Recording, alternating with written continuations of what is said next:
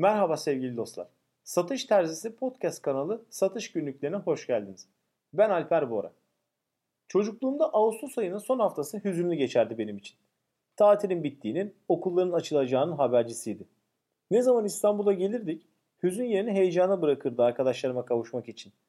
Okulların başlamasına bir hafta kala benim için pek keyifli olmayan okul kayıt işlemleri yapılır ve kayıt esnasında elimize verilen listeyle okul alışverişi yapardık.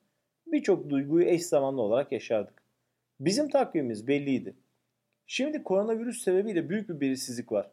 Okula dönüş tarihi, eğitim durumu, online eğitim modeli mi, yüz yüze eğitim mi, eğitim başlama tarihi, okul ücretleri gibi. Milli Eğitim Bakanlığı tarafından belirlenen bir takvim var ama takvime uyulamayacağı da konuşuluyor. Aileler programlarını bu takvime göre yapmak zorundalar. Yani en büyük yük bu belirsizlik hali içinde hareket etmek zorunda olan çocuklarının eğitimi için kaygı duyan ailelerin omuzlarında. Her ebeveyn kendi çocuğunun iyi eğitim alması ve iyi yetişmesi için kaygı ve endişe duyuyor. Haksız da sayılmazlar. Çünkü ülke olarak yetiştiricilikte çok iyi değiliz. Bunu PISA skorlarından okumak mümkün. Açılımı Uluslararası Öğrenci Değerlendirme Programı olan PISA, Ekonomik İşbirliği ve Kalkınma Örgütü OECD tarafından yapılıyor. Üçer yıllık dönemler halinde yapılan ve 15 yaş grubundaki öğrencileri kapsayan bu araştırmanın temel amacı, öğrencilerin okulda öğrendikleri bilgi ve becerileri günlük yaşamda kullanma becerisini ölçmek. Tekrar vurgulamak istiyorum. 15 yaşındaki öğrencilerin sahip oldukları bilgi ve becerileri günlük yaşamda kullanma becerileri üstünde duruyor.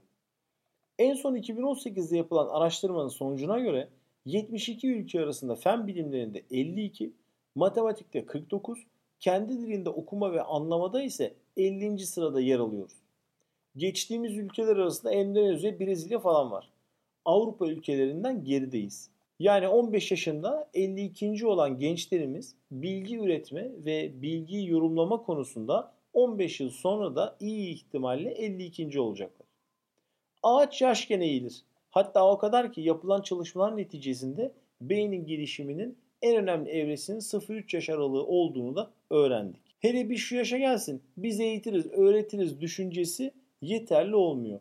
Dolayısıyla anne ve babaların çocukların eğitimi ve gelişimi için kaygı duymaları, tedirgin olmaları son derece normal. Yetiştiricilik konusunda bir örnek paylaşmak istiyorum. Avrupa'daki spor kulüpleri 3-6 yaş arasında çocukları altyapıya alıyor. Kültür aşılıyor, oyunlar oynatıyor, aktivite yaptırıyor ve takımdaşlık, birliktelik duygusunu geliştiriyorlar.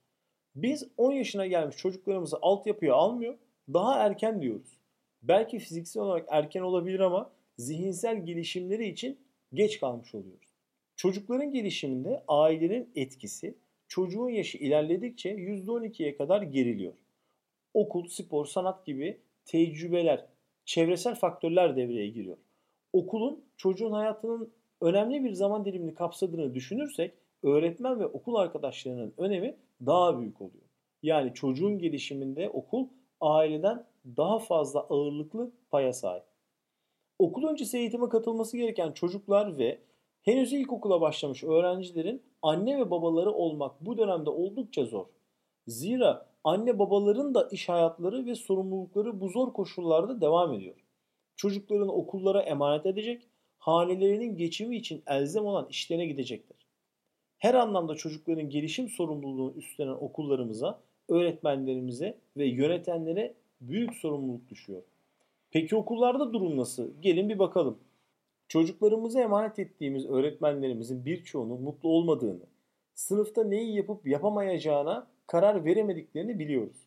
Çok az yetkileri olduğunu biliyoruz. Bu öğretmenlerimizin mevcut durumda uzaktan eğitim modeline adaptasyonu nasıl olacak? İnisiyatif kullanabilecekler mi? İstediklerini uygulama alanı açılacak mı kendilerine? Çocuklarımızı konuşuyoruz ama öğretmenlerimiz de çok önemli. Ancak mutlu öğretmen sağlıklı öğrenci yetiştirebilir. Okulların hangi sistemde eğitim vereceği de henüz belli değil. Yeni yeni ünvanlar, isimler giriyor hayatımıza ama içeriği soru işareti. Yeni bir kavram. Hibrit eğitim modeli geliştirdik. Online ve yüz yüze eğitim modellerinin birlikte uygulanması anlamına geliyor. 2020-21 eğitim öğretim yılı takvimi açıklandı. Takvime göre 21 Eylül'de eğitim başlıyor. Ama kimsenin yüksek sesle telaffuz etmediği şey yüz yüze eğitim 21 Eylül'de başlamayacak. Tam da bu ortamda sistem belirsizliği olan zamanda yatırımını sistemden ziyade ihtişamlı binalara, öğretmen kalitesinden ziyade demirbaş, ekipman kalitesine yapan eğitim kurumları şu anda kıvranıyorlar. En büyük, en yeni tesislere biz sahibiz argümanı geliştiren eğitim kurumları peşin aldıkları eğitim ücretlerini iade edemiyorlar. Eğitim kurumlarının birçoğu velileriyle profesyonel zemine oturmuş sağlıklı bir iletişim kuramıyor. Kaçak dövüşmeyi tercih ediyorlar. Velileri bir araya getirerek onlara samimiyetle önümüzde belirsiz bir dönem var. Biz de sizin gibi gelişmeleri yakından takip ediyoruz. Bu süreçte önce öğrencilerimizi sonra da siz velilerimizi mağdur etmemek için çalışıyoruz. Mesajı verseler birçok aile daha huzurlu olacak. Aileler doğal olarak önce çocuklarının eğitimi sonra da ticari konularda son derece kaygılılar. Tüm bunların sebebi birçok eğitim kurumunun pazarlama iletişimi stratejisinin olmaması. Nasıl ki her okulun yemekhane ve okul servisi hizmeti var, pazarlama iletişimi stratejisi de olmak zorunda. Kurumun tüm çalışmalarından, yaklaşımından ve öngörüsünden paydaşlarına doğru bir şekilde haberdar etmesinin yolu budur. Yine bir başka önemli nokta birçok eğitim kurumunda merkezi iletişim ekibi de yok. 6-7 kişiden oluşan çeşitli bölümlerden, yönetim kurulundan bir kişi, muhasebeden, finanstan, öğretmenlerden, öğrencilerden birer kişinin katılımıyla bir iletişim ekibi kurulsa aileler ve öğrencilerle daha sağlıklı iletişim kurulabilir. Pazarlama stratejisinin bir parçası olan fiyatlandırmayı da neye göre ve nasıl yapıyor eğitim kurumlarımız bilmiyorum. Ama 1-2 yıllık eğitim ücretini peşin olarak alıyorsanız aynı şartlarda hizmet veremediğiniz dönemin ücretini geri vermeli ya da alternatif sunmalısınız. Etik olan budur. Kurumların farklı fiyatlandırma ve ticari yaklaşımları kurumsal bir satış stratejisinin de olmadığını bize gösteriyor. Üniversitelerin birçoğu kayıt döneminde yaşanan yoğunluk neticesinde tanıtım faaliyeti adı altında satış görüşmelerini öğretim görevlilerine yaptırıyor. İnsanların en değerli varlıkları çocuklarıdır. Çocukların eğitimi ve geleceği için onlara emanet edecekleri kurum ile görüşme sağladıklarında karşılarında profesyonel bir ekip bulsalar daha sağlıklı olmaz mı? Öğretim görevlilerinin tanıtım yapması taraftarı değilim ama karşıda değilim. Karşı olduğum şu. Öğretmen öğretici, bilgi aktarıcıdır. Bu tanıtım faaliyeti şeklinde tanımlanan süreç tamamen bir satış sürecidir. Takdir edersiniz ki satış yapmak için bilgi aktarımından fazlasına ihtiyaç var. Bu görüşmeyi yapacak kişilere pazarlama stratejilerine göre geliştirilmiş kuruma özel satış eğitimi verseler ne güzel olur, ne şık olur. Satış teknikleri, iletişim becerileri, müzakere araçları ve kriz yönetimi gibi konularda desteklenmiş, güçlendirilmiş bir ekip kurumun imajına güç katar.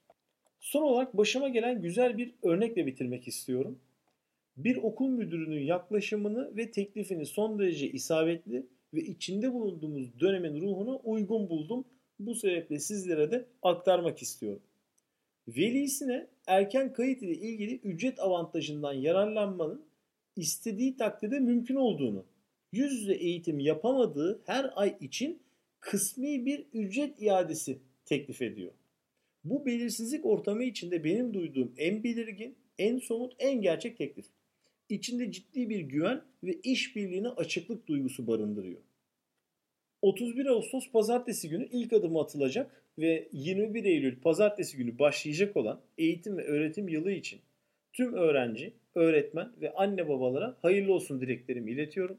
Genç arkadaşlarımıza başarılar diliyorum. Önümüzdeki hafta Satış Terzisi Podcast kanalı satış günlüklerinde tekrar görüşmek dileğiyle. Hoşçakalın.